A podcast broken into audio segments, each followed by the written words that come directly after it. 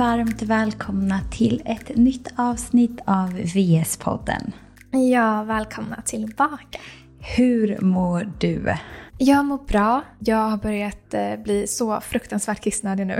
nu förstår jag hur du har det. Välkommen till klubben. Alltså jag kissar hela tiden. Ja, alltså nu är det orimligt. Och på nätterna. Och han rör på sig så mycket. Ja, så sömnen är väl inte riktigt vad den kunde vara. Men eh, annars mår Hur jag bra. mycket kissar du då? Nej men på nätterna så är det faktiskt bara att jag går och lägger mig, sen ligger jag och väntar i typ en halvtimme, 45 minuter för jag vet att vi kommer behöva gå och kissa. Och sen brukar det vara en tillgång på natten. Men det är ju mycket för mig. och i det så rör han sig också så att jag är ändå typ vaken. Ja. Men det kan vara två gånger, men oftast en. Mm. Mm. Hur många är du uppe i nu- då? Fyra, fem gånger. Åh herregud! Hur fan sover du ens natt Nej alltså? men det är helt sjukt. Och Oliver har ändå varit så här. Han bara, alltså förut kändes det som du gick och droppade liksom. För jag har ju alltid kissat minst en gång Mm. på natten. Men nu, det är verkligen ett vattenfall och det är så. Ja. ja, för det är det man dricker också så mycket. Ja, men jag försöker att inte dricka så mycket på kvällen eh, för att ja, jag vet ju hur det blir.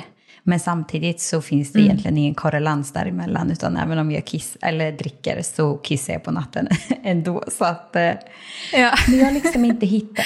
ja, men för nu är det ju tryck också. Ja, och alltså i Sverige hade jag en gravidkudde. Men jag kände inte att det är värt att ta med den till Island. För den väger ju lite. Nej. Så att nu har jag haft jättesvårt att hitta ett sätt att sova på. Jag har ju typ en stor kudde men den är inte tillräckligt bra. Så jag känner verkligen att det inte Mm. är skönt att sova. För att det blir liksom inte skönt när jag sover på sidan. Så att jag behöver, Ja, jag jag behöver fixa det här gamet faktiskt framöver. Ja, ja, men det är inte lätt alltså. För, det, för mig också funkar det bara att ligga på ena sidan. Men så fort man ligger på något annat sätt då är det som att det bara trycker på åt alla håll. Men om, i övrigt så mår jag faktiskt, alltså fysiskt mår jag väldigt bra. Bättre än på länge. Så det är så skönt. Vad skönt. Men sen, alltså, Ja. Och det är ju sån känsla när man inte har mått bra eller mått mycket illa och trötthet och hela den delen. Så att jag har verkligen känt mig bra fysiskt. Sen så har det ju varit ja, men intensivt, jag har varit i Sverige, det har varit mycket jobb, flugit tillbaka till Island. Så där känner jag verkligen att jag eh, behöver prioritera återhämtning framöver. Det är så lätt att falla in i det här produktiva. Och framför allt för oss som det känns som det är en form av nedräkning. Så man vill bara beta av. Ja, gud. Fokuset man har just nu är ju verkligen Mm. jobb. Så att ja, det gäller att ändå ha någon sorts balans i Ja, det. för min familj köpte en sommarstuga och jag har ju tänkt att inte åka hem mer nu för att jag får inte flyga i slutet av juli. Och jag har inte varit så här, men jag tror att jag behöver landa för att det är också när man är hemma, folk har semester men man själv jobbar. Det blir liksom tudelat. Och jag känner bara att jag tror inte att jag kan åka hem nu en vecka och sen jobbar man heltid den veckan man är hemma. För att man behöver verkligen kunna fokusera på jobbet också för att känna sig lugn i det. Men också att man inte har så mycket kapacitet efter de här timmarna med tanke på eh, den plats man är på och att vi ändå Verkligen. jobbar ganska mycket fortfarande. Ja men precis, för vi jobbar ju långa dagar och sen på kvällen det finns ingen energi kvar.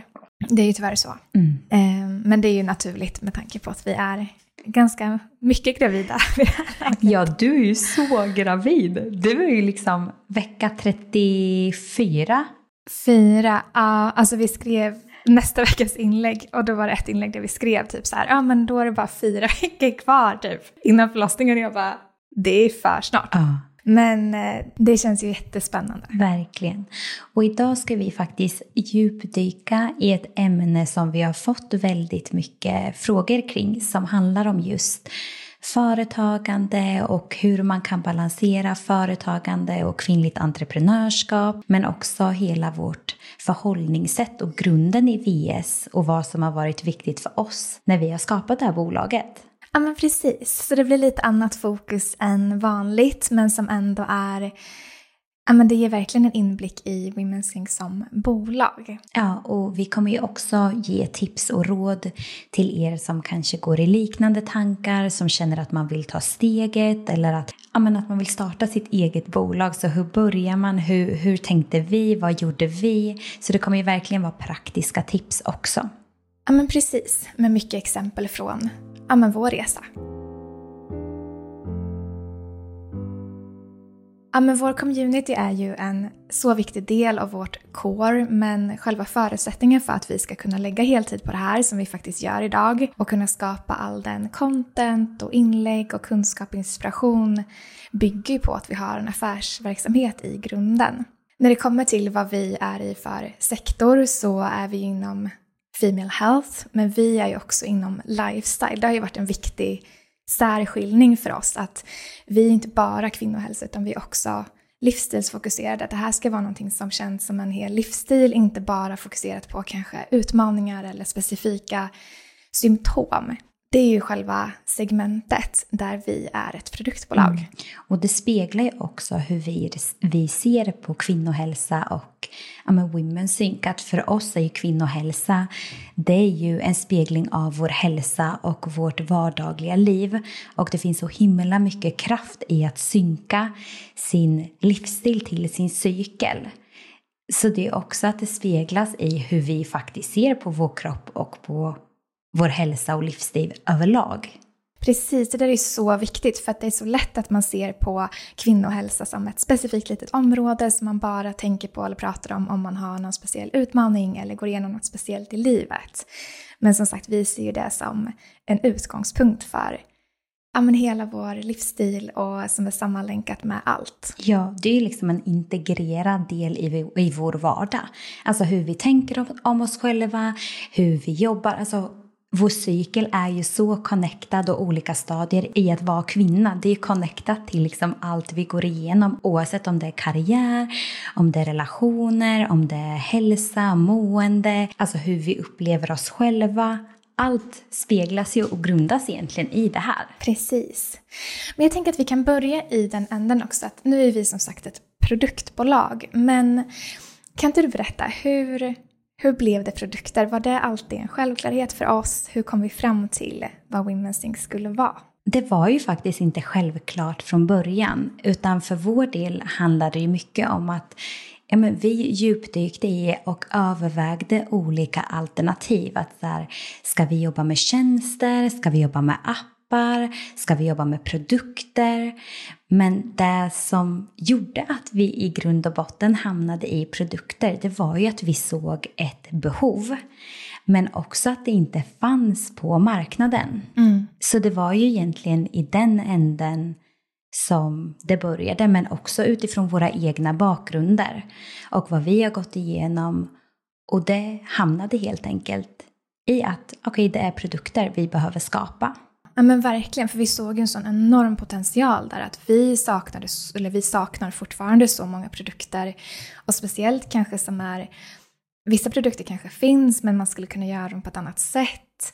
Att det finns sån enorm potential där vi bara har börjat toucha på det vi ser att Women's kommer bli. Och där är också som du säger, vi gick också tillbaka till oss själva ganska mycket i det att men vad tycker vi är kul? Vad tycker vi är roligt att jobba med? För att om vi ska kunna bygga det här och jobba med det här på lång sikt så måste vi fråga oss, vill vi jobba med en app eller vill vi jobba med produkter? Och där vart det ganska tydligt att vi båda drogs väldigt mycket till produkter. Att där fick vi verkligen den här gnistan, drivet, glöden att ja, men här, här ser vi så mycket potential och vi blir verkligen så peppade av att jobba med det. Ja, för det är faktiskt någonting vi fortfarande vägleder oss till. Att vi får ju ofta mycket input på att kan inte ni skapa den här appen? Men också att vi ser att det finns ett behov av vissa typer av tjänster. Men det är ju ingenting som vi brinner för. Och vi måste hela tiden gå tillbaka till, okej okay, men vad brinner vi för? Och i vår business, där vi verkligen tycker är kul, det är ju med mötet med människor, communityn, att se ett behov och att sen uppfylla det behovet och framför allt då genom produkter. Ja men verkligen. Och där är också så här, vi kom tillbaka till det flera gånger, att nej, när det kommer till kanske rådgivning och tjänster, där finns det folk som är mycket bättre än oss på att göra det i den formen. Men vi kan som sagt inspirera på andra sätt. Och produkter ser vi på ett sätt som andra kanske inte ser på. Så det handlar nog mycket om att faktiskt vara ärlig mot sig själv och vad man dras till och vad man känner att här kommer våra egenskaper och driv till bäst nytta. Men om man går tillbaka ännu längre. För oss var det egentligen inte en självklarhet att vi skulle grunda Women Sync och att vi skulle skapa produkter för kvinnor. Utan det var ju framför allt på grund av att vi såg ett sånt behov när det kom till just kunskap. Och vi var ju så här, på vilket sätt ska vi nå ut med den här kunskapen som finns om den kvinnliga biologin på ett sätt som attraherar och når ut till ja, den här målgruppen? Och då blev det ju en bok. Kan inte du berätta lite mer om processen dit? Ja men exakt, för det är som du säger att om vi, vi pratade om det, vi bara men om vi skulle börja släppa produkter direkt, det är ingen som skulle köpa dem för det är ingen som förstår varför man behöver dem. För att kunskapen finns inte där.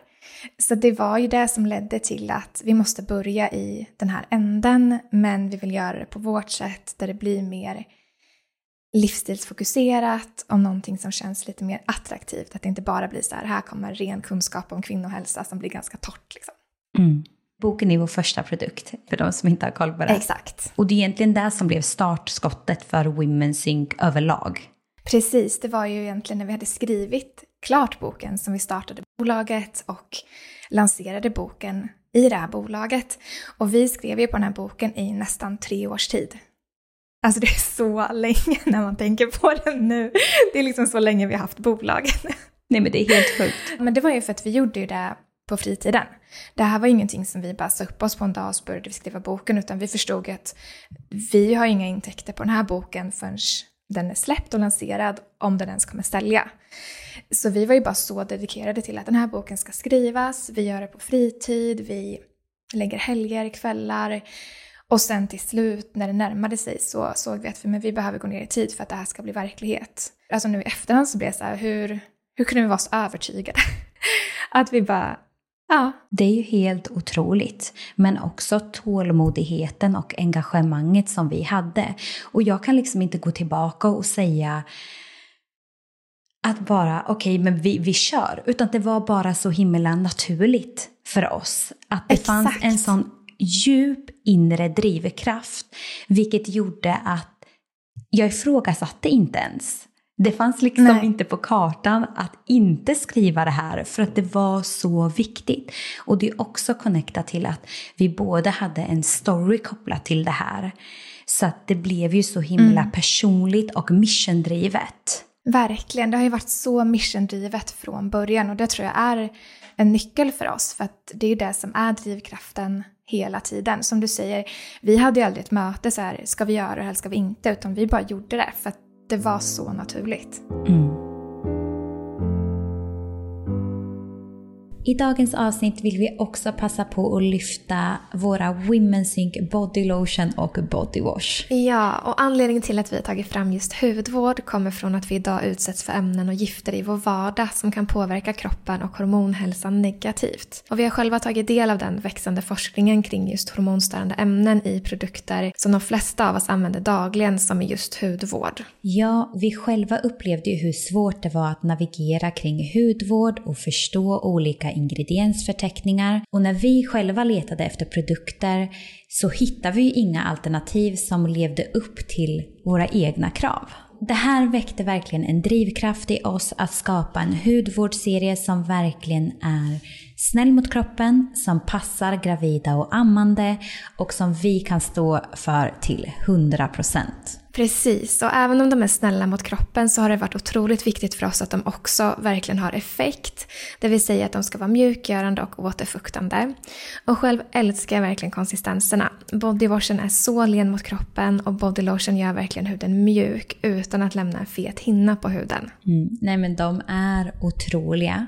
Och för att göra dem så närande som möjligt för huden så har vi fokuserat på att använda ingredienser som finns naturligt i huden och och som stärker och upprätthåller en hälsosam hudbarriär såsom exempelvis kvalen, E-vitamin och vitamin B3. Ja, precis. Och en viktig aspekt i framtagandet av hudvården är att vi har gjort dem parfymfria. Och det är eftersom att parfym är ett samlingsbegrepp som kan innehålla hundratals olika ämnen. Och de är även fria från PFAS, parabener, ftalater, BPA, mikroplaster och mineraloljor. Ja, och vi får ju ofta frågor vad vi använder och vi använder ju enbart de här produkterna nu och kommer att göra för resten av vår framtid. Eh, och framförallt nu när vi är gravida eftersom att de passar lika bra inför för, under och efter en graviditet. Men de passar ju även för de som har känslig hud eller man har olika allergier eller bara för dig som är medveten och söker efter alternativ som är snälla mot huden.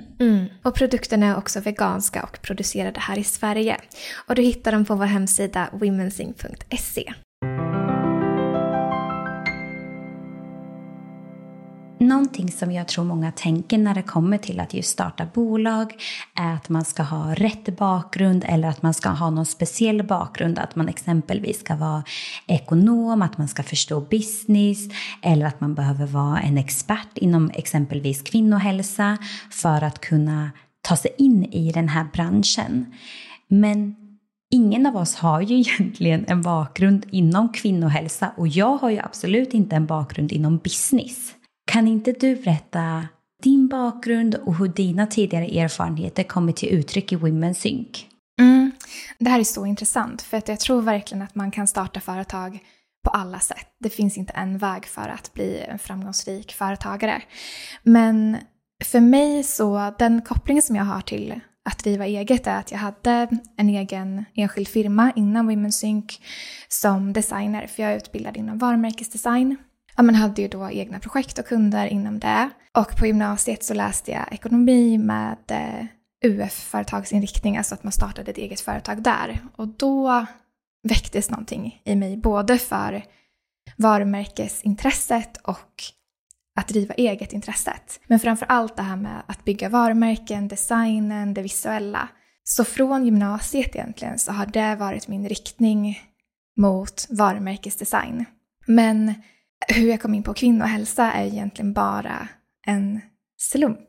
Att jag märkte när jag skrev mitt mastersarbete att okej, okay, men vilka samhällsfrågor tycker jag är viktiga? Och då så stod jag mellan klimatfrågan och kvinnohälsa. För att jag hade sett hur eftersatt det här var. Och när jag började gräva i det så var det verkligen så här, det är helt sjukt att det ser ut på det här sättet. Det är helt sjukt. Och också när man såg att nej, men här finns ju massor kunskap som skulle kunna göra skillnad, men ingen vet om det. Så där blev det bara ett också naturligt engagemang i att det här var en så viktig fråga. Som man då kopplat till varumärke, att så här, det finns inga spännande varumärken inom det här. Vad, vad skulle hända om vi skapade någonting som vi tycker är spännande och intressant och attraktivt? Och där möttes ju vi på något sätt att jag hade ju mer ett så samhällsengagemang för frågan medan du hade mer en personlig upplevelse kring det. Och sen så har ju vi hittat sätt att verifiera kunskapen för det är ju så också att vi hade ju aldrig kunnat gå in i det här fältet genom att bara vara så här, nej men vi chansar och skriver det vi har hittat kunskap på eller alltså vi har ju alltid hittat sätt att verifiera det vi gör för att vi har förstått och haft väldigt stor respekt för att vi är inte experter i grunden själva. Så ja, men kan inte du berätta hur, din resa såg ut? Men jag har egentligen aldrig haft någon dröm om att starta bolag. Jag gick ju också ekonomi och vi gick ju gymnasiet tillsammans men jag valde exempelvis inte att starta UF utan jag läste bara ekonomi. Och jag tyckte inte att det var jätteroligt. Men efter gymnasiet så pluggade jag HR. Så jag har jobbat med de här typer av frågor, så ledarskap, organisationsutveckling, coaching och vid sidan av så har jag haft ett otroligt stort intresse för hälsa. Och sen var det ju i samband med min egen resa med utebliven mens som jag förstod att okej, okay, här finns det någonting stort som jag inte har greppat ännu men som har en sån otroligt stor betydelse för min egen resa och att läka mig själv. Sen för min del så, jag har ju haft en enskild firma till exempel, eh, så att för mig har det egentligen aldrig varit så här, oh, jag vill starta eller driva bolag. Utan från mig kom det ju verkligen från ett mission-perspektiv igen. Att okej, okay, jag brinner så mycket för det här ämnet. Jag brinner för att göra skillnad för människor. För att coacha, för att inspirera. Och det var egentligen det som var den röda tråden i HR när jag jobbade med de här typerna av frågorna. Men också det jag gjorde vid sidan om med coachingen. Och det är egentligen det jag gör idag, eller det vi gör i VS, är ju att vi coachar ju andra i en, i en större skala än vad jag gjort tidigare. Så att jag tror att för min del så var det mer den vägen, det här brinnande intresset och jag var så här, men okej, hur kan jag få uttryck för det här på bästa sätt? Då var det här vägen att gå. Men sen också att du och jag jobbade ju, alltså när vi jobbade med våra egna resor så blev det ju också att vi hela tiden hittade stöd och support i varandra där vi bollade olika saker. Mm. Att du till exempel när du gjorde ditt masterprojekt att det kanske inte hade blivit VS om det inte var så att vi klickade så bra i form av just i det här businessperspektivet att så här, jag kunde bolla och komma med input på dina projekt och du kunde supporta mig i så här, okej, okay, hur gör jag det här? Hur, hur bygger jag mitt egna varumärke? Och sen så blev det så himla naturligt också att vi kompletterade varandra där, där du var mer det här samhällsperspektivet medan jag var den här nördiga eh, så här kan man göra när det kommer till näring, så här kan du tänka kring träning kopplat till kvinnohälsa. Mm, verkligen. Och jag tycker det är så coolt det där också på tal om just att man inte, det finns inte en bakgrund som är rätt oavsett vilket segment vi nu skulle vara i. Nu råkar det vara kvinnohälsa. Men att ser man också till din bakgrund som du säger med HR, människor, coaching. Det är ju en jättestor del av Women Sync. Precis som för min del med bakgrunden varumärke, kommunikation, tonalitet. Också en så stor del av Women Sync. Och hur vi på något sätt får uttryck för de här intressena och erfarenheten på så många plan i Women Sync men kanske inte som man hade tänkt traditionellt att ens karriär skulle se ut. Nej, och sen så fick man ju, alltså jag jobbade ju på ett stort bolag, jag jobbade som HR-partner, jag jobbade också med delar som employer branding, så där fick man ju hela det här med typ varumärke men också mer det här strategiska, satt i ledningsgrupp, fick en förståelse för business, okej okay, hur är det egentligen att ja, driva en, en business, för vi hade ju vår egen liksom, region som vi drev. Så på det sättet så förstod jag ju mer det här företags sammanhanget och affären på ett sätt. Eh, men det är ju verkligen någonting helt annat att driva bolag och jag tror att för er som lyssnar, alltså man behöver inte veta utan man kommer lära sig på vägens gång. Så egentligen typ för att driva bolag behöver man vara nyfiken, man behöver vara tålmodig och man behöver tycka om att lösa problem. Ja men verkligen. För det är som du säger att man hittar ju saker i sin egen bakgrund som man inte visste att man kanske har lärt sig om. Att det var ju samma för mig, jag har jobbat jättenära entreprenörer som har drivit olika bolag eller både stora och små bolag där man ändå har fått en insyn i hur det är att, att driva ett bolag i olika former.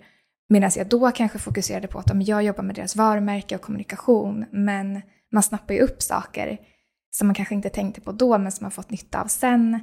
Och så tror jag att det är alla karriärer, men man kanske inte vet exakt vad det är man har snappat upp förrän man bara, ah, nu fick jag nytta av det här i vårt eget bolag. Mm.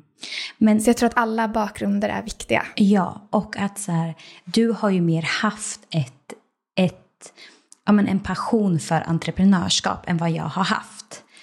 Men jag mm, tycker, mm, alltså det, det, är ju mer brinnande i dig. Men för mig är det ju fortfarande det här missiondrivna. Och det gör att så här, okej, okay, i vilken form får jag, kommer jag till uttryck? Hur får jag uttryck för det? Och det är ju i den här formen. Mm. Så på den vägen är det. Och jag tror också att det är viktigt att så här, det finns att man behöver inte brinna för det för att jobba med det. Men just nu gör jag ju det för att det är så himla roligt. Men jag tror också att eftersom att jag aldrig hade tänkt tanken så tror jag också att jag blockerade mig själv och tänkte hur skulle jag eller kan jag det här? Det fanns liksom inte på världskartan. Så det är också Nej. fint att det går att gå den vägen även om man tror att så här, men det här är inte jag. Ja men verkligen.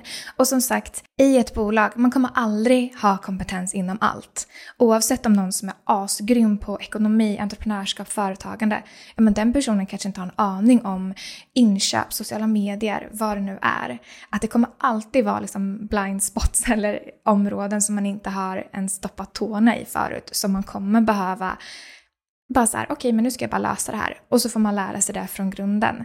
Så där tror jag också att man ska ha ja, men just den här öppenheten för att det kommer alla ställas inför. Så det spelar inte så stor roll vad man har för bakgrund, bara man har intresset, nyfikenheten, drivet för att nu ska vi få det här att funka.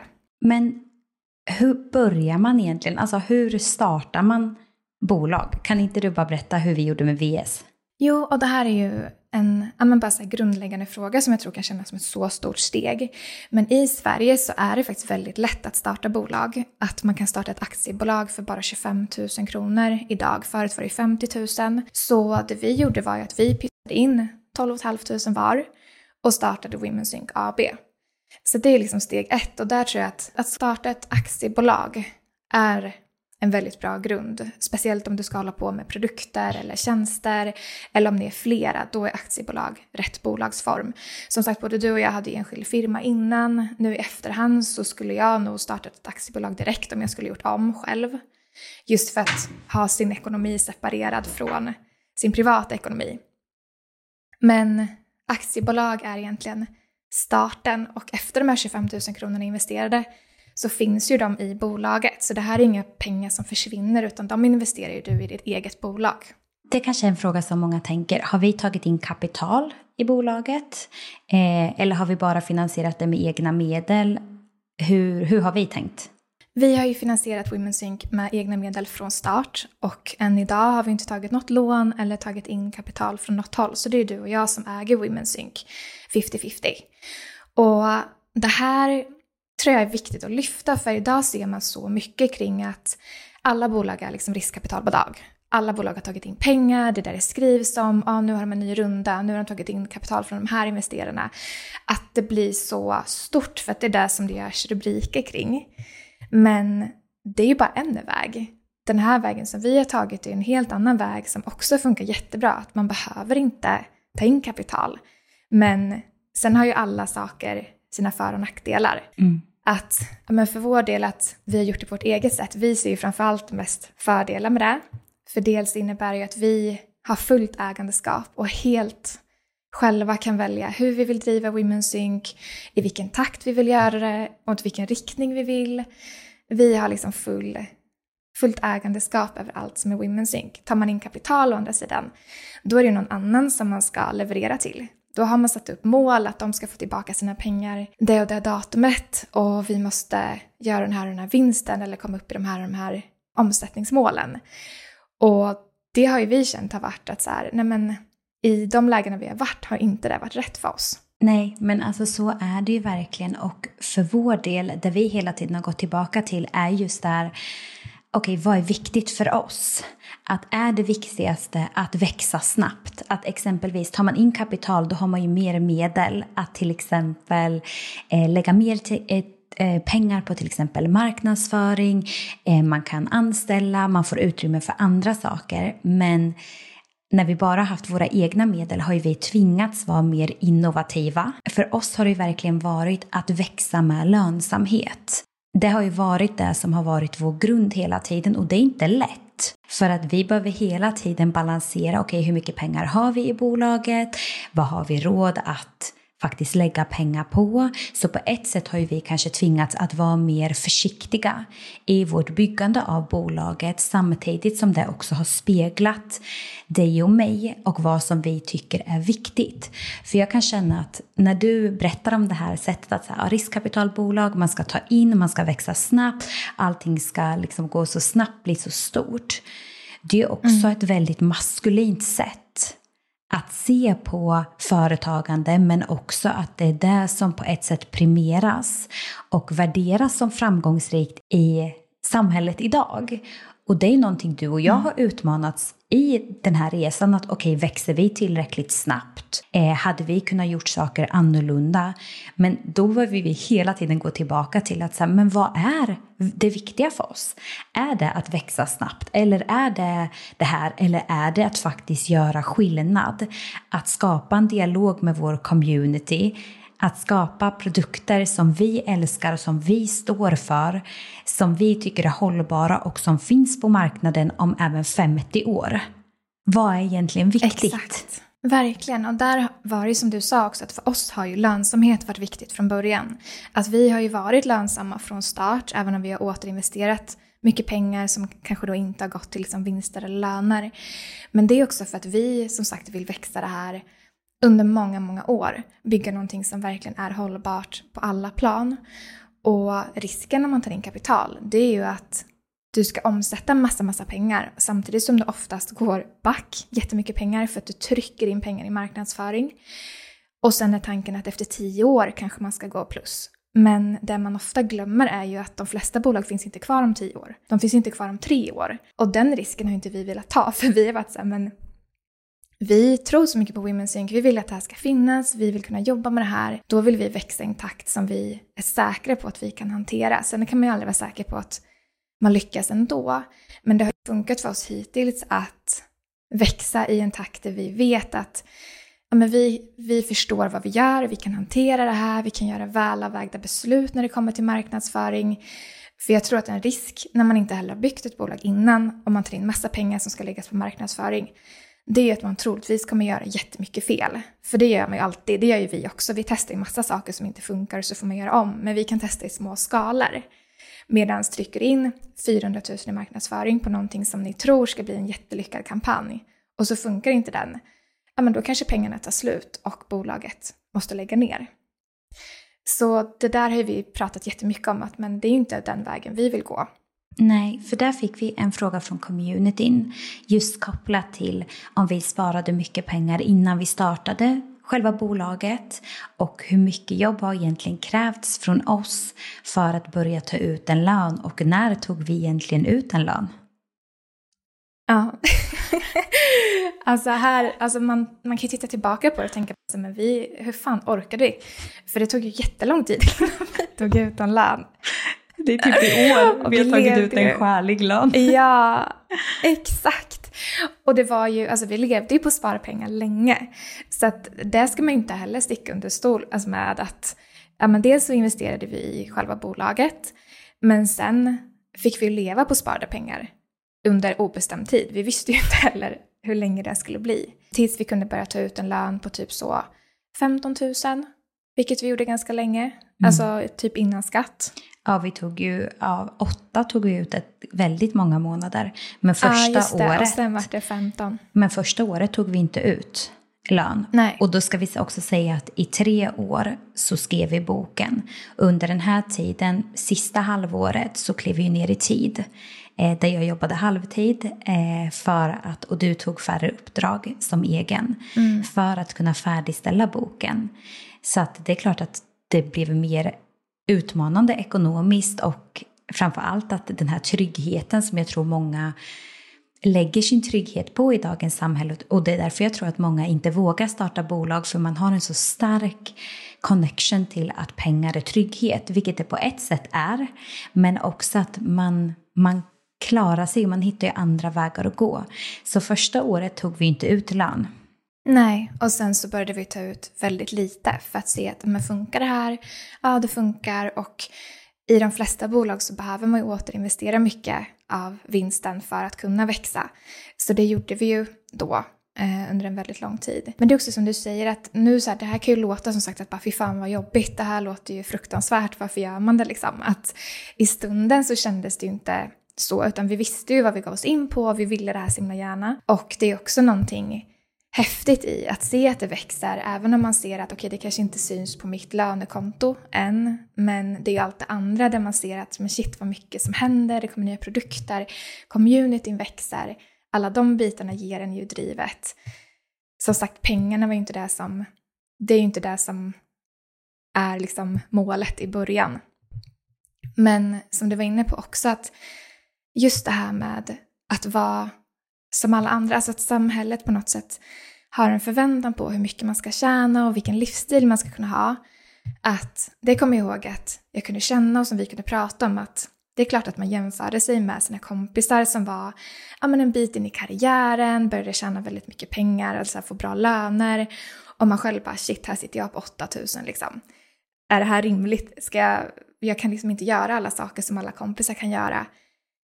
Och ja, är det, borde det vara så här? Men där kommer man ju tillbaka att så här, ja men det är ju inte mer rätt eller fel. Det här väljer jag för att jag brinner på det, för det och tror på det och att det ger mig så mycket på så många andra plan. Mm. Och för mig var det egentligen inte, alltså det var inte möjligt för mig att jobba kvar. För att även om jag hade ett, egentligen ett drömjobb utifrån när jag pluggade eh, så var det mitt drömjobb som jag jobbade på. Men när jag var där och jag hade hittat Women's Sync, det fanns liksom ingenting som kunde tillfredsställa mig och få mig att känna meningsfullhet på samma sätt som VS gjorde. Så där har det också varit en del i min personliga resa att okej, okay, men vad är viktigt för mig? Alltså vad är viktigt i hjärtat om jag tar bort alla hinder, alla begränsningar, alla föreställningar och illusioner för hur jag ska leva och vad som anses som värdefullt och framgångsrikt i samhället. Vad är viktigt för mig? Och en av de delarna för mig är ju verkligen att känna meningsfullhet. Och jag tror att det är den här meningsfullheten som också har gjort det möjligt för oss.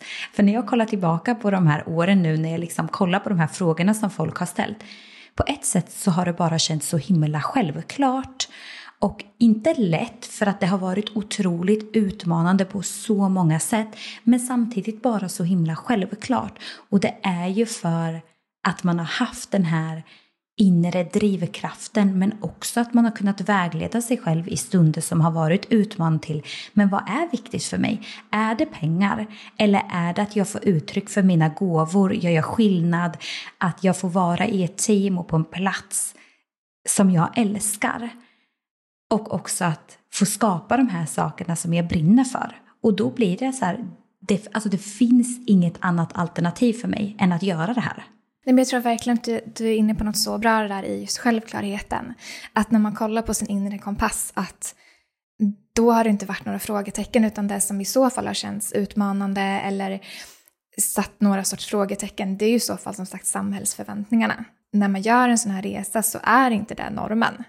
Man kommer ställas inför ja, situationer och frågor som inte är där de flesta väljer eller ställs inför. Och då handlar det som sagt om att vara klar på men vad är det som sagt som är viktigt för mig, hur vill jag leva mitt liv? Och ska man driva eget så tror jag sällan att det egentligen är pengar man drivs av. Utan ska man kunna jobba med något länge och långsiktigt då handlar det om att hitta någonting som man som sagt brinner för. För att man ska vilja göra det dag ut och dag in. Vilket som sagt har känts självklart hela tiden. Mm. Men ska man starta bolag med sin bästa kompis? Eller hur väljer man egentligen en företagspartner? Mm, det är en så, en så bra fråga. Um, ja, men jag nämnde ju att jag hade ju UF-företag på gymnasiet. Och eh, det var ju då jag på något sätt ens hittade att driva eget, att det fanns som en möjlighet i mitt liv. För jag har liksom inga föräldrar eller släktingar som haft eget eller kom inte alls från den bakgrunden där det skulle kunna vara en väg. Men i det så kände jag att jag kom till min rätt och jag hittade det här med vad, vad jag är bra på, vad jag ska jobba med med varumärke och företagandet, alltså de delarna. Eh, och sen senare när jag startade mitt eget bolag, då kunde jag känna så här, men det är något som inte stämmer i den här konstellationen, att vara själv. Att driva eget för mig var, själv var inte rätt väg. Så när vi hittade varandra på något sätt, då var det som att det bara föll sig helt rätt. Att vi kompletterade varandra på ett otroligt bra sätt. Vi har helt olika styrkor, kompetens, erfarenhet samtidigt som vi har samma värdegrund och en väldigt så stor ömsesidig respekt.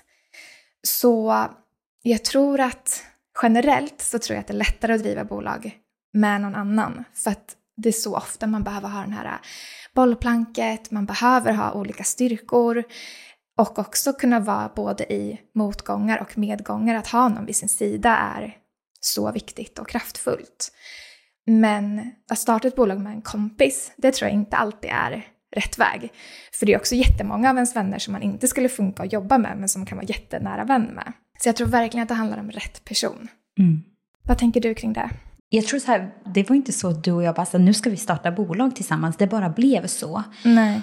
Och när någon ställer frågan, men är det inte utmanande? Har inte er relation påverkats på ett negativt sätt? Och det har den inte, utan det har ju snarare stärkt oss. Alltså innan vi startade bolag då kanske vi pratade om andra saker och var i andra sammanhang medan nu kan det bli ganska mycket jobb samtidigt som mm. jag pratar med dig hur många gånger som helst varje dag. Liksom. Eh, och att få uh. dela den resan med dig, alltså det känns bara så självklart. Och jag tror också att det har varit att vi har ju också i början när vi startade bolag varit väldigt tydliga med, där vi har skrivit ett, vad, vad kallas det, du vet när man skriver, när vi gjorde det här avtalet. Ja, det? Ja, ah, precis. Det är egentligen så alla typer av ah. scenarion som man kan gå igenom som företagspartners. Så vi har ju liksom också touchat vid alla de här jobbiga sakerna. Att vad händer om jag känner att VS inte är rätt för mig, men du känner att det är rätt för dig? Hur gör vi då?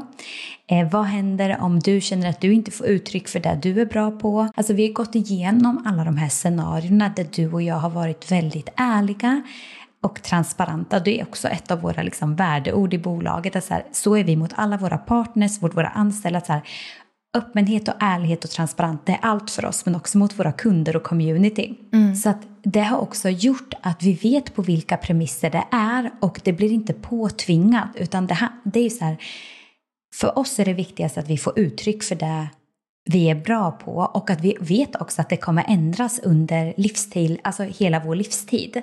Så att också kunna vara flexibla i det och kunna möta varandra i det. Så att på ett sätt känns det bara så himla självklart. Alltså det är så här, ja, det känns bara så bra. Mm. Ja, och där tror jag att det kommer tillbaka till att vi är väldigt olika som personer, vilket vi ofta pratar om i podden, att vi är det och vi har så olika liksom, erfarenheter och intressen på så många plan. Men det vi enas i är ju våra värderingar. Och som sagt, när det kommer till hur man vill leva sitt liv, hur man vill driva bolag, där är vi väldigt samstämmiga. Också för att vi verkligen har pratat igenom det och varit väldigt ärliga och öppna kring det. Och sen en del i det som jag också tror är viktig som kanske är en del av det här också feminina företagandet. Det är ju att båda vi har ett stort intresse för personlig utveckling och att förstå sig själv och andra. Och det är någonting som vi har Ja, men du har ju alltid varit en coach för mig som vän i mitt liv som jag uppskattar dig så mycket för. Men den delen är ju också någonting som finns i VS, att vi också ja, men försöker prata om saker på ett sätt som, där man utvecklas. Alltså där man vågar också se att, ja men just det, det här, så här kanske jag reagerar på den här saken.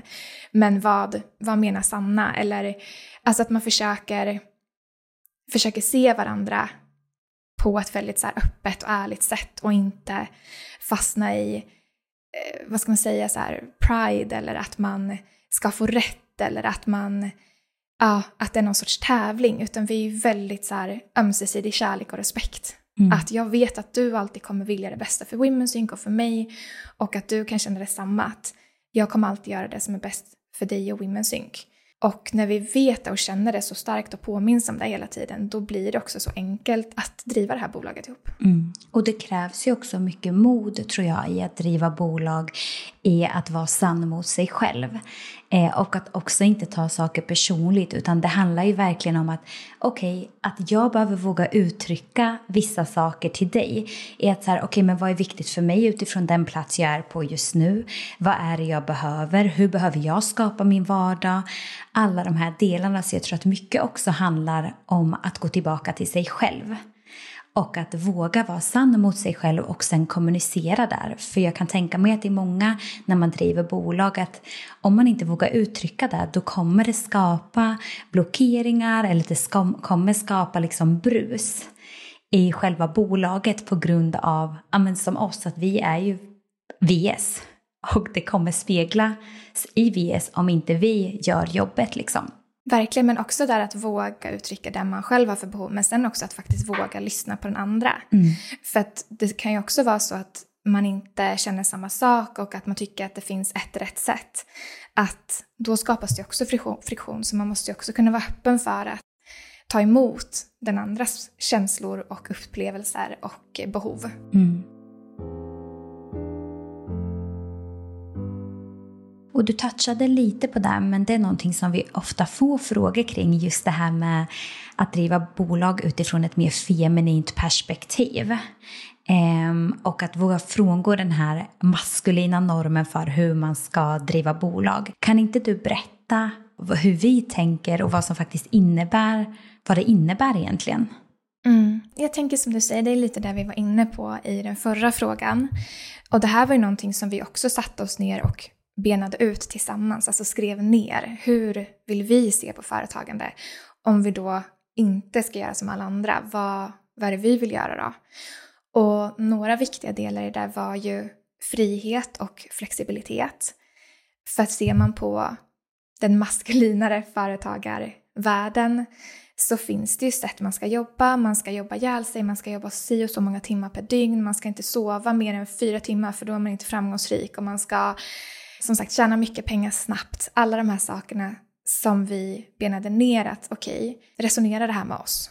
Nej. Okej, okay, vad, vad är det som resonerar med oss istället? Och då kom vi fram till de här sakerna, som sagt frihet, att vi vill aldrig känna oss låsta i Women's Sync, utan vi ska ju känna att det är en plats där vi får komma till uttryck, vara kreativa, känna att det är kul. Och då behöver vi ha frihet och flexibilitet, att kunna jobba från olika platser, kunna jobba på olika tider, alltså utifrån menscykeln, hur man mår.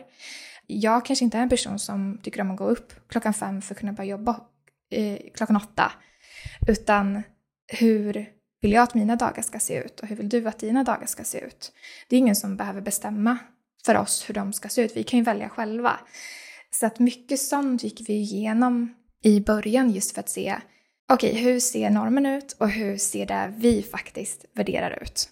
Och det krävdes ju också lite jobb, för som sagt, man är ju ganska innött i vad är framgångsrikt? Hur ska man göra när man bygger bolag? Så det är mycket så ifrågasättande och gå tillbaka till att, nej men just det, är det här sant mm. för oss? Och det är någonting vi fortfarande utmanas i. Alltså den här, eh, framförallt när man ser att när vi grundade VS, det var inte många bolag som fanns inom kvinnohälsa. Eh, Medan nu dyker upp väldigt många och man ser att de har tagit in mycket kapital som gör att de kan pumpa ut marknadsföring, produkter, tjänster. Då ibland kan man känna så här, men okej, okay, har vi valt rätt väg? Eh, men då blir det ju också så här livsstilsmässigt att vi pratar så mycket om den här balansen och att man behöver må bra själv först för att ja, kunna ge till andra eller bara överlag för att kunna vara i synk i sig själv och få ut det mesta av sin kapacitet. Och eh, det här är ju den vägen att gå för oss. Och att oavsett vad någon annan, för att det sättet, att ett mer maskulint sätt, kan ju vara vägen för någon annan. Och det finns inget rätt och fel i det, utan det här är ju vägen för oss. Jag tror också att VS speglar väldigt mycket vår personlighet eh, och vår värdegrund. Mm. Så att det är också delar. Ja, det är ju verkligen ett tips också för dig som är i början av ditt företag eller som ska grunda ett företag att skriv ner värdegrund. Om ni är flera, som sagt bolla den och se så här, men det här ordet, flexibilitet, är det viktigt för dig? Vad innebär det här ordet? Vad, vad menar du när du säger det? Och skriv ner och gör så med ja, men det som ni värderar och vill ha i er varumärkesmanual eh, eller liksom grund som ni kan gå tillbaka till. Vi går ju tillbaka till det här hela tiden och kan behöva påminna oss själva under resans gång. Mm.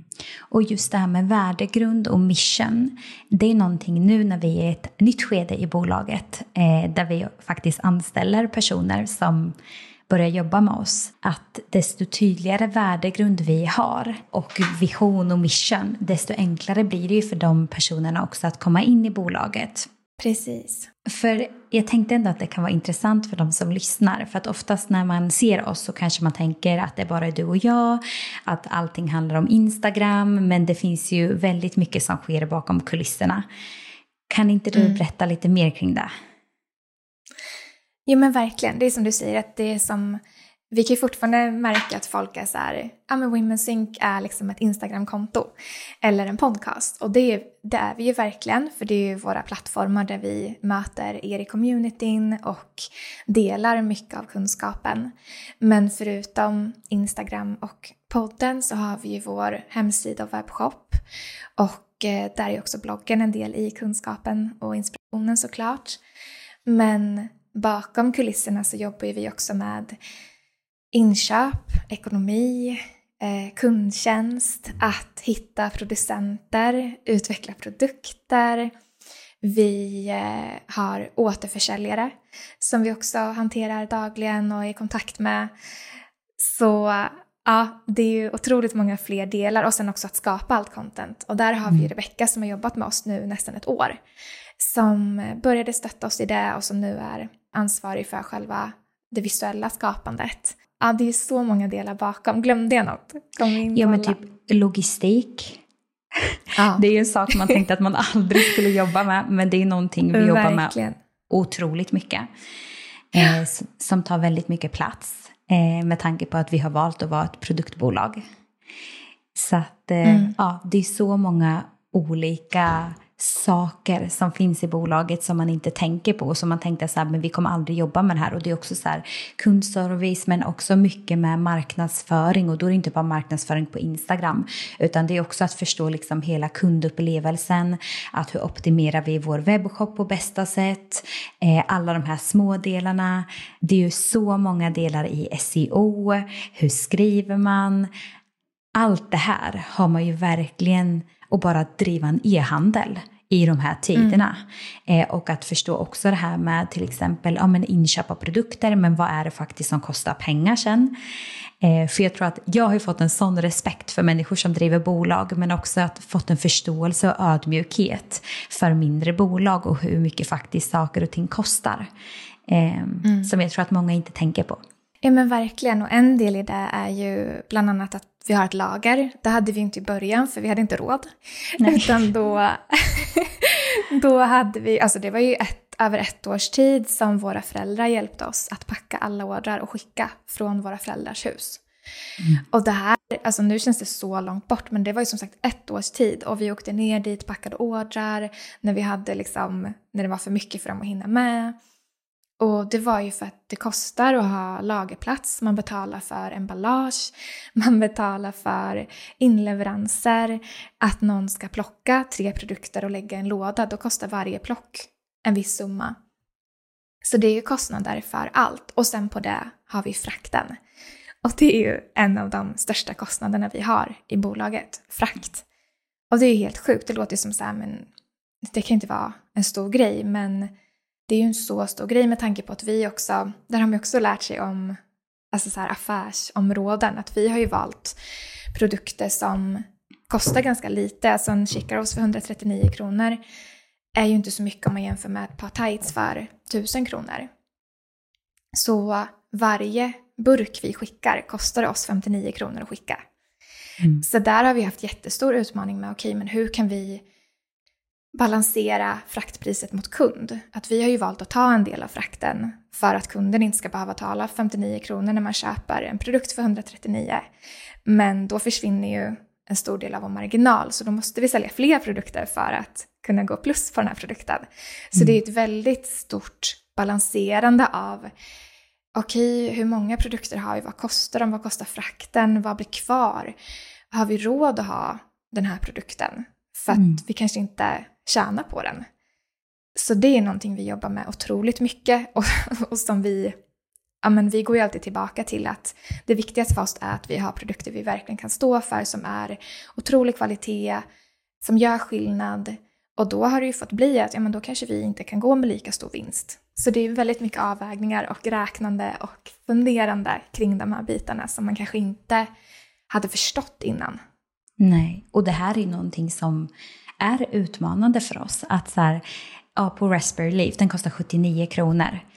Att 59 kronor är frakten på den. Och sen så är det att bara plocka en order är väldigt mycket kronor. Så redan med ja. de två har vi egentligen backat på produkten. Det här är ju saker bakom kulisserna som många inte ser. Eh, men också att så här, ja, men har vi redan backat på produkten med frakt och med en plock order fee.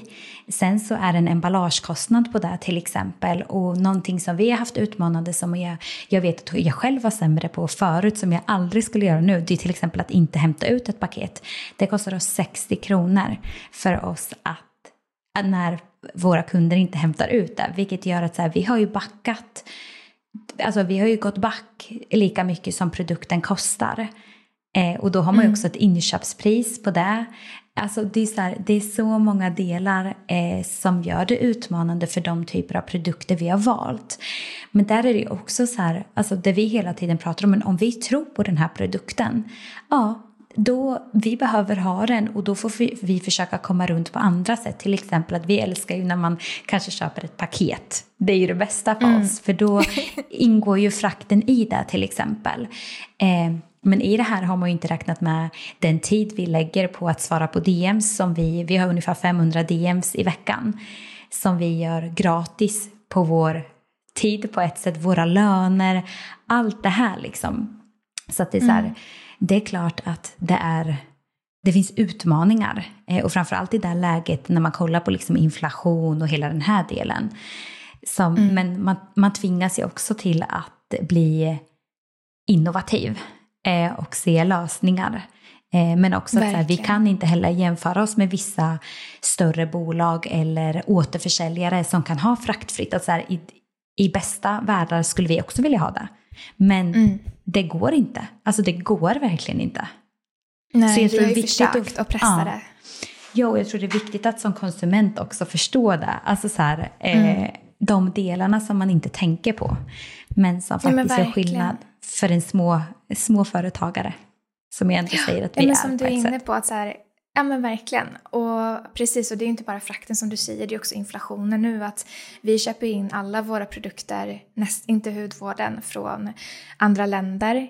Senaste halvåret har ju alla våra produkter blivit så mycket dyrare att köpa in.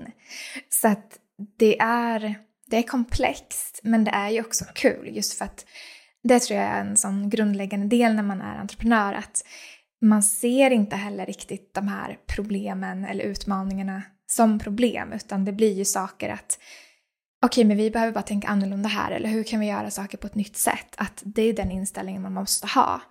För att det är ingen annan som kommer lösa det sig. Man måste ju också köpa att så här ser läget ut just nu. Men hur kan vi göra det på bästa sätt? Och ofta så pushar ju det en i nya riktningar. Man kanske kommer på nya paketpris eller nya produkter som skulle kunna komplettera, som kan göra skillnad eller att vi kan marknadsföra på ett annat sätt. Så att alla utmaningar leder oftast också till någonting bra. Mm. Och det är ändå någonting som är unikt med oss att Alltså vår community är ju verkligen så unik på ett sätt. Eh, och jag tror att många kan identifiera sig med oss och det är ju en viktig del i, i hela vårt bolag att så här, vi speglar ju oss för vi är två helt vanliga tjejer som brinner för det här som fick upp ögonen för kvinnohälsa och insåg att så här, det här gör så himla stor skillnad. Vi måste nå ut med det här. Och det är också den vägen vi har valt att gå när det kommer till produkter. Att alla de produkter vi har skapat har ju varit för att vi har sett ett behov och det, jag tror också att det är en annan approach än många andra bolag. Att då kan det vara så här, vi vill skapa den här produkten, men vi har inte heller haft så här, en specifik produktlinje att så här ska det vägen vara. Utan mer, okej okay, det här är där vi får frågor kring. Eller den, alltså, oavsett om det handlar om produkt eller blogginlägg eller vad det än handlar om så är det så här, det här får vi mycket frågor om. Vi ser ett behov, okej okay, kan vi ta fram den här typen av produkt exempelvis. Och det, kan inte, det är inte alltid att communityn vet vad de vill ha. Men där försöker vi liksom ligga steget före och framför allt i att gå in i oss själva också. Vad behöver vi? Vad finns inte på marknaden? Eh, och att mm. göra saker på ett nytt sätt. Alltså så här med hudvård, ja det finns väldigt mycket hudvård men det finns få för oss. Vi searchar ju först hela marknaden. Hur kan vi få kvalitet och det vi önskar när det kommer till ingredienser. Och vi kunde inte hitta något som uppfyllde våra krav. Okej, okay, då finns det ett gap. Vi ska in här. Mm. Men det där är så sant och det där är också någonting som är så viktigt för er som lyssnar att om ni startar företag eller ni kanske är i början, att ni kommer se folk som är så här, men vadå, det finns ju hur mycket som sagt hudvård som helst. Eh, det är en för eh, konkurrensutsatt marknad. Eller det finns så många hälsocoacher eller vad du nu vill starta företag inom, att så kommer det alltid vara. Det kommer alltid finnas så mycket konkurrens och det är så många som har sagt det till oss också att ja, det finns så många anledningar till att det inte skulle gå. Men hittar man det där gapet eller den där unika touchen eller det där som man verkligen känner att nej, men jag kan inte se att det här finns för mig för att man är ofta sin egen bästa kund. Då går det verkligen att nå ut med det. Så det är också på något sätt att våga vara övertygad om när man hittar någonting som man känner att så här, men det här behövs. Våga tro på det. För att det finns alltid plats för fler. Bara man mm. gör det på sitt sätt. Och det tycker jag ändå är viktigt att lyfta också när det kommer till prissättning. Att, men jag vet att det är vissa som har sagt så här, ja ah, men era produkter är dyra. Okej, okay, men varför? För, för oss har ju som du, du sa det tidigare, att så här, kvalitet det är det allra viktigaste för oss. Vi skulle aldrig släppa någonting som inte har kvalitet. Att till exempel mm. när det kommer till hudvård, då har det varit jätteviktigt för oss eh, med vilka ingredienser eh, och varför vi har valt dem. När det kommer till cikoria till exempel Chica Rosen, så finns det olika brand. Men jag vet inte hur många gånger jag har fått höra att vårat är så mycket godare och det bästa de har testat? Jo, men det beror på att vi har valt kvalitet. Och det kommer ju också spegla priset. Att när en kund handlar hos oss, då vet de att så här, men det här är kvalitet och ja, det kan kosta eh, kanske några kronor mer. För att det är inte möjligt för oss att ta fram den bästa kvaliteten samtidigt som vi har det billigaste priset. Alltså det är inte möjligt. Eh, så det är också mm. delar som vi egentligen battlar med för att vi vill ju att våra produkter, att alla ska kunna ha dem. Men fortfarande så behöver vi ju också sätta ett pris som är som gör att vi kan skapa de här produkterna och fortsätta utveckla produkter. Ja men verkligen, och det där är ju så, så viktigt att man tar ställning till som företagare att man kan inte vara för alla. Sen är det viktigt att man hittar rätt för just sin målgrupp. Och som du säger, att vi kommer aldrig tumma på kvaliteten. Men man kanske kan hitta någonting annat som gör att man kan ändå hamna i rätt prisspann. Eller om det är att, nej men då, då kanske man inte kan få den högsta kvaliteten. Att så här, det där kommer man alltid ställas inför och det är så viktigt att vara sann mot sitt varumärke. Att men vad är det det här varumärket står för? Och för oss är kvalitet en grundpelare.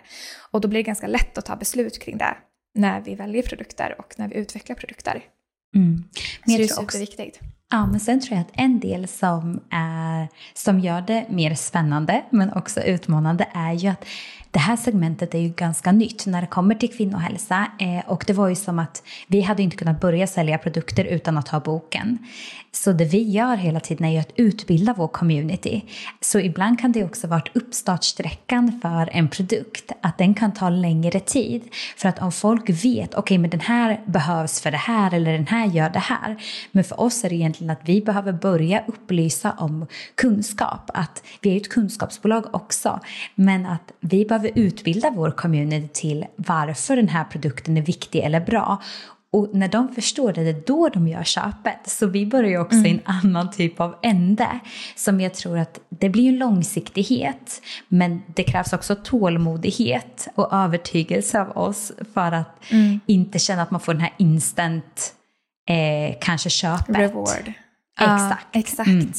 Ja, men det där är en så viktig aspekt som är ganska unik för oss skulle jag säga. Att som sagt, vi jobbar ju i ett segment där kvinnor generellt är ganska outbildade.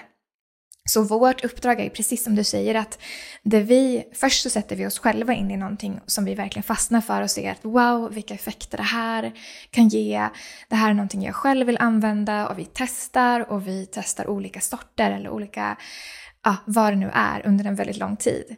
Och sen när vi har hittat det bästa, då börjar ju vårt arbete i att okej, okay, men allt det här vi har lärt oss, allt vi har upptäckt, tänkt, alla insikter, nu är det dags att förmedla det. Så att ja, det är ju en helt annan sak än att göra en produkt som folk redan känner till, där man mer kanske bara trycker på den här är snyggare eller den här är billigare. Eh, mm. Så vi utgår ju verkligen från kunskap. Och det här är också en balansgång med tanke på att många av de produkter vi har är ju inom, lives, alltså inom eh, nutrition-segmentet. Och här är det också väldigt mycket riktlinjer och regler för hur man får kommunicera. Och det här blir också en utmaning i sig med tanke på att det görs inte mycket forskning när det kommer till kvinnohälsa. Så att vi behöver också vara väldigt försiktiga i hur vi kommunicerar saker. Och ibland önskar jag bara att så här, men kan jag inte bara få säga vad den här produkten gör eller varför vi har tagit mm. fram den eller hur den fungerar. Men nej, då är det ett hälsopåstående vilket gör att vi kan ja, bli dömda för det. Så det är också en balansgång och i takt med att man växer växer så battlas man ju med sådana typer av utmaningar eh, som vi har behövt lära oss genom liksom, eh, årens gång. Men det är också en sak som man bara, jag önskar bara att jag kunde säga det här men man förstår ju varför det finns.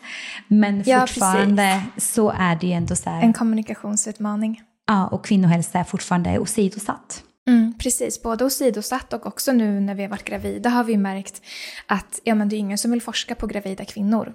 Så mm. då kommer det inte finnas Alltså då kommer det inte finnas svart eller vitt kring många saker. Så att det är ju, ja man förstår ju varför det finns och också kan man ju tycka att det kanske är mer vettigt som det är i EU, att det snarare är väldigt återhållsamt, man får inte säga för mycket, än i typ USA och Australien där man får säga vad man vill. Man kan ha mm. vilka hälsopåståenden som helst, bara man skriver en liten disclaimer. Så att det är också viktigt att ha i åtanke att ja, det, det finns ju skäl, men det kan vara väldigt utmanande.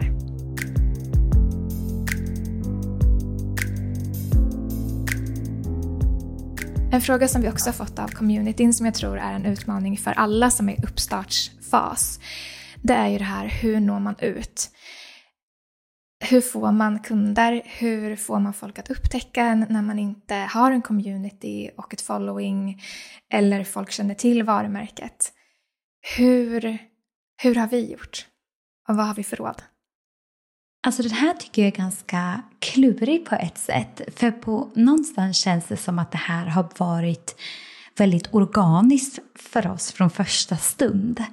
Att eh, det känns som att det på ett sätt har kommit väldigt lätt, fast det har det inte för vi har ju lagt otroligt mycket eh, tid och engagemang. Men jag tror att mycket handlar om att först och främst våga tro på det man gör och att det finns ett behov. Så att det börjar där att man har en så stark övertygelse för det kommer också smitta av sig till de man pratar med. Men sen är det också att man behöver vara modig i att våga nå ut. Man behöver använda sitt nätverk, kontaktnät eh, och sen finns det ju olika vägar att gå. Att så här, ja, men för oss var Instagram en väldigt bra plattform att nå ut. Men delar för oss som vi också jobbade med i början var ju till exempel att ha några events för att skapa det här familjära och skapa en nära relation till våra följare och community. Eh, men också att vi har lagt otroligt mycket tid, alltså jag vet inte hur mycket tid vi har lagt på att faktiskt bygga relationer med varje följare vi har. Eh, det är så många timmar och jag tror också att det är det som speglar i att vi har så många följare som vi har i dagsläget och att vi har en väldigt lojal kundgrupp. Eh, mm. vad, vad tänker du? Hur har vi men ut? Exakt. Alla, alla delar som du säger och jag tror att en viktig del i det där är också att vara, dels som du säger, att våga. Att bara våga ta kontakter och våga tro på det man gör. Men att i det också våga förmedla det. Alltså våga lägga ut på Instagram eller TikTok eller vad du än nu är och våga vara konsekvent. Att där krävs det så många inlägg eller stories eller vad det nu är och de behöver komma hela tiden. Att jag kommer ihåg i början att jag tyckte att det kändes jobbigt för det kändes som att man tjatade och som att man pushade. Men man måste tänka på att här, den som följer ett, ett konto, den ser inte allt. Och den sitter ju inte och jobbar med det här hela dagen utan den kanske möts av det här en gång varannan dag. Och för att någon faktiskt ska få upp ögonen och kanske ta klivet och köpa någonting, då behöver man se någonting x antal gånger. Så att, att våga vara konsekvent och lägga upp och lägga upp och lägga upp och fortsätta innovera. För man kan ju inte heller lägga upp samma sak utan man måste ju lägga upp samma sak på nya sätt hela tiden. Men att vara konsekvent i det är så otroligt viktigt och man måste lägga jättemycket tid på det. Men det positiva i det här är ju att det är helt gratis. Du betalar ingenting för att lägga upp på Instagram eller TikTok eller YouTube. Utan du kan lägga hur mycket som helst där. Och det är ju så vi har gjort. Vi började ju inte betala för marknadsföring förrän i år. Mm. Um, och det är ju ändå... Jag tror att många tänker så här, ah, men jag har inte råd med marknadsföring, så då kan inte jag nå ut. Nej, men du kan nå ut gratis på massor av sätt. Mm. Och ett av dem är ju via content. Um, och till exempel också influencers, hitta små eh, konton som du kan ge produkter till. Det finns ändå många sätt att vara innovativ som faktiskt inte kostar så mycket. Och där tror jag också på att våga, om jag tänker i början, hur, hur gjorde vi i början? Och där var det också att vara i kontexter med människor som matchar den målgrupp som vi, som vi hade. Eh, och att våga reacha ut till de här människorna. Och att också bara så här, jag jobbade ju med HR till exempel på, i en organisation där vi var 410 medarbetare men 10 av oss var tjejer, resten var killar. Vad var det jag satt och pratade om? Alltså för de har mm. också en mamma, en syster eller ett barn. Så att också skapa ett engagemang, alltså för att du är ju ditt varumärke. Och människor kommer känna när saker är autentiskt och inspirerande och de kommer vilja vara en del av det. Så våga också exponera dig i kontexter som är bra för dig. Eh, men också att våga reacha ut till människor som du tror att ah, det här kan vara en mentor eller den här inspireras jag av. Ja, så att de också, för jag tror på att våga ta support, att du behöver inte göra allting själv, utan faktiskt ta hjälp av varandra, för det finns så mycket kraft och styrka i det. Och vi har ju tagit väldigt mycket hjälp av vår community till exempel, men också experter mm.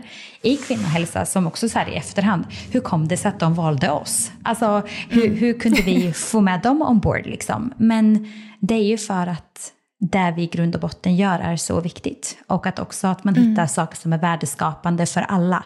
Inte bara för oss, utan man ser ju det större hela. Verkligen, och att man har gjort jobbet kring vad man står för och kommunicerar, att det känns genomarbetat och trovärdigt. Ehm, men som du säger, typ experter är också någonting som kan vara jätteviktigt. Att ja, men hitta någon som är mer erfaren i din bransch och teama upp med så, så kommer folk se att det här ser trovärdigt ut. Eller som du var inne på också, ha event. Och där tror jag också att det är lätt att tänka så här, men ett event det kostar säkert 30 000 att ha minst.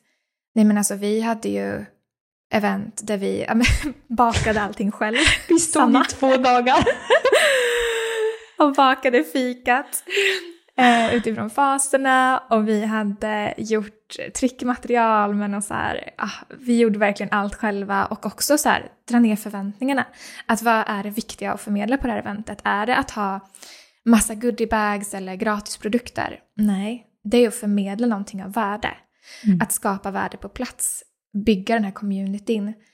Så att också att inte fastna vid att saker måste vara så stort och svårt och kosta så mycket pengar och vara så professionellt att man kan göra någonting väldigt professionellt i en väldigt liten skala. Mm. Och det speglar ju också de vi är. Vi är två helt vanliga tjejer som brann för det här. Om vi hade haft ja. sjukaste goodiebagsen och ett event som såg ut som värsta PR-byrån hade gjort, alltså, då sätts vi på en pedestal som inte är oss. Det är inte vi. Mm. Vi är genuina, varma, jordnära. Alltså, så, här, så det är också så här, våga tillåta varumärket spegla dig eller din kärna. Verkligen. Och det kan vara skitläskigt för att det är oftast det som gör det sårbart. Men det är också det som gör att det fungerar. Verkligen.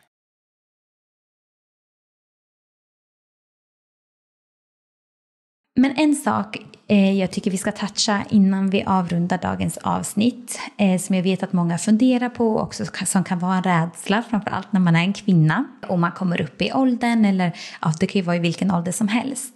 Men hur hanterar man egentligen att vara två kvinnliga grundare när man vet att man vill ha barn inom snar framtid eller att man vill ha barn framöver? Kan inte du dela lite? Jag tycker det här kommer tillbaka till där vi pratade om våra värderingar, vår grund, att vi vill, hur vi vill driva bolag på ett mer feminint sätt. Att samma sak när det kommer till det, att vi, vi har ju alltid vetat att ja, men det viktiga för oss är som sagt att vi ska kunna trivas i vårt bolag, att vi ska känna att vi kommer till uttryck och att vår livsstil i stort ska aligna med bolaget och hur vi mår och vart vi är i livet.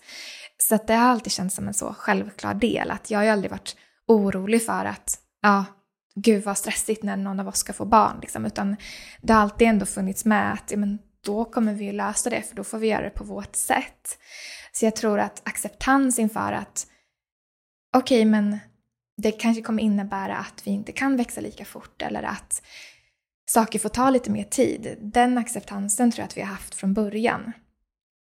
Um, så att det kommer också tillbaka till det här att okej, okay, men vad, hur får vi det att funka? Vad behöver vi göra för att det ska bli möjligt? Och sen sänka förväntningarna. Att absolut, vi kan fortfarande ha mål och vi ska fortfarande gå runt och ha tillväxt, men i vilken skala? Vad är, vad är rimligt för oss att sätta upp för att det ska bli hållbart? För att nu, som sagt, är inte vi män som kanske kan vara hemma tio dagar och sen gå tillbaka till jobbet, utan vi båda kommer vara föräldralediga. Ja, men då måste vi hitta en väg. Och det svåra är ju att det kanske inte finns så många att kolla på hur man har gjort det här innan, så man måste vara innovativa och också kanske acceptera att vi kan inte ha ett solklart svar på det, utan vi mm. kommer också behöva ta det som det kommer, anpassa oss och justera allt eftersom. Det måste vi ändå vara ärliga med och säga att vi kommer inte kunna vara mammaledig på samma sätt som andra är. Alltså det är ju sanningen. Mm. Och där handlar det också om förhållningssätt men också att vara, våga vara men ärlig för att så här, ja, jag vet inte vad jag kommer känna sen och vad jag kommer behöva. Men det vi jobbar för nu är ju ändå att okej, okay, vi kommer vara delaktiga på ett sätt. Eh, men vi kommer också våga släppa mer operativt ansvar genom att vi anställer människor som också är läskigt eh, med tanke på att det är kostnader för oss eh, och vi är vår lilla bebis. Men det är också en otrolig möjlighet och potential i att våga släppa de här delarna. Eh, men det som också är fint i VSD är att det följer oss, alltså de olika stadierna vi är i livet. Och det gör det väldigt befriande på ett sätt, kan jag känna. Mm. Men verkligen. Det är ju någonting som både speglas i varumärket och vilka produkter vi tar fram. Att det kommer ju såklart speglas i vad vi är intresserade av och vi grottar ner oss i. Men samma sak i bolaget att nu går vi in i ett nytt skede av livet och det kommer innebära förändringar och en gåva i det är ju precis som du säger att ja, men nu tvingas ju vi att släppa taget om vissa saker som kanske kan ge möjlighet att du och jag kan fokusera ännu mer på produktutveckling eller saker som vi inte kanske haft lika stor möjlighet till för att man har fastnat i mycket det dagliga. Så jag tror också att det kommer komma så mycket möjligheter och gåvor i det här. Och sen också när man har eget, då blir det heller inte samma...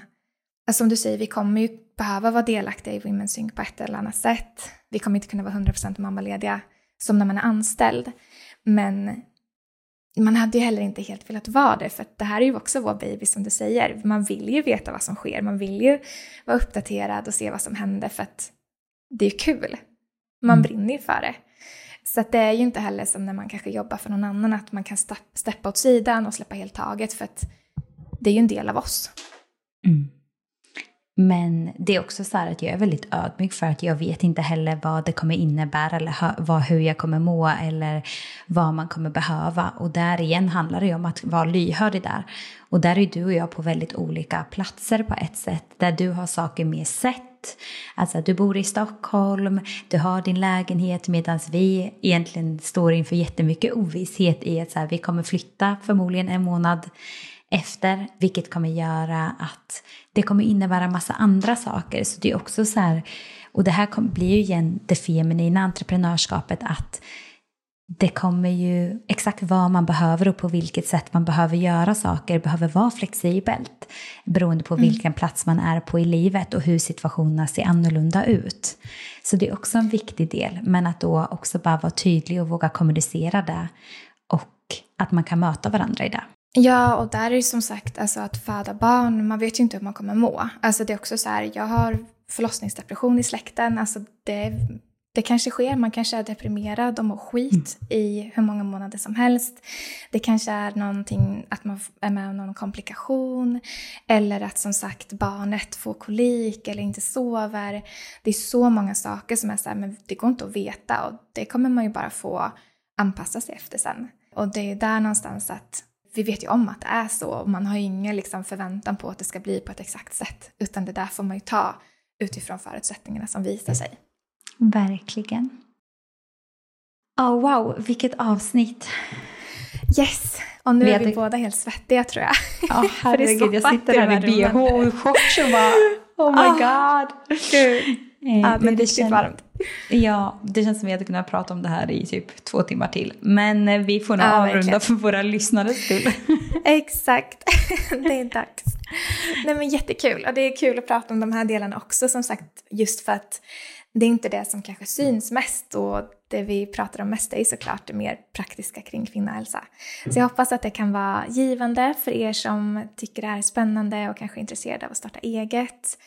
Och att ja, ni kan hitta någon typ av inspiration i hur vi tänker och hur vi har resonerat under resans gång.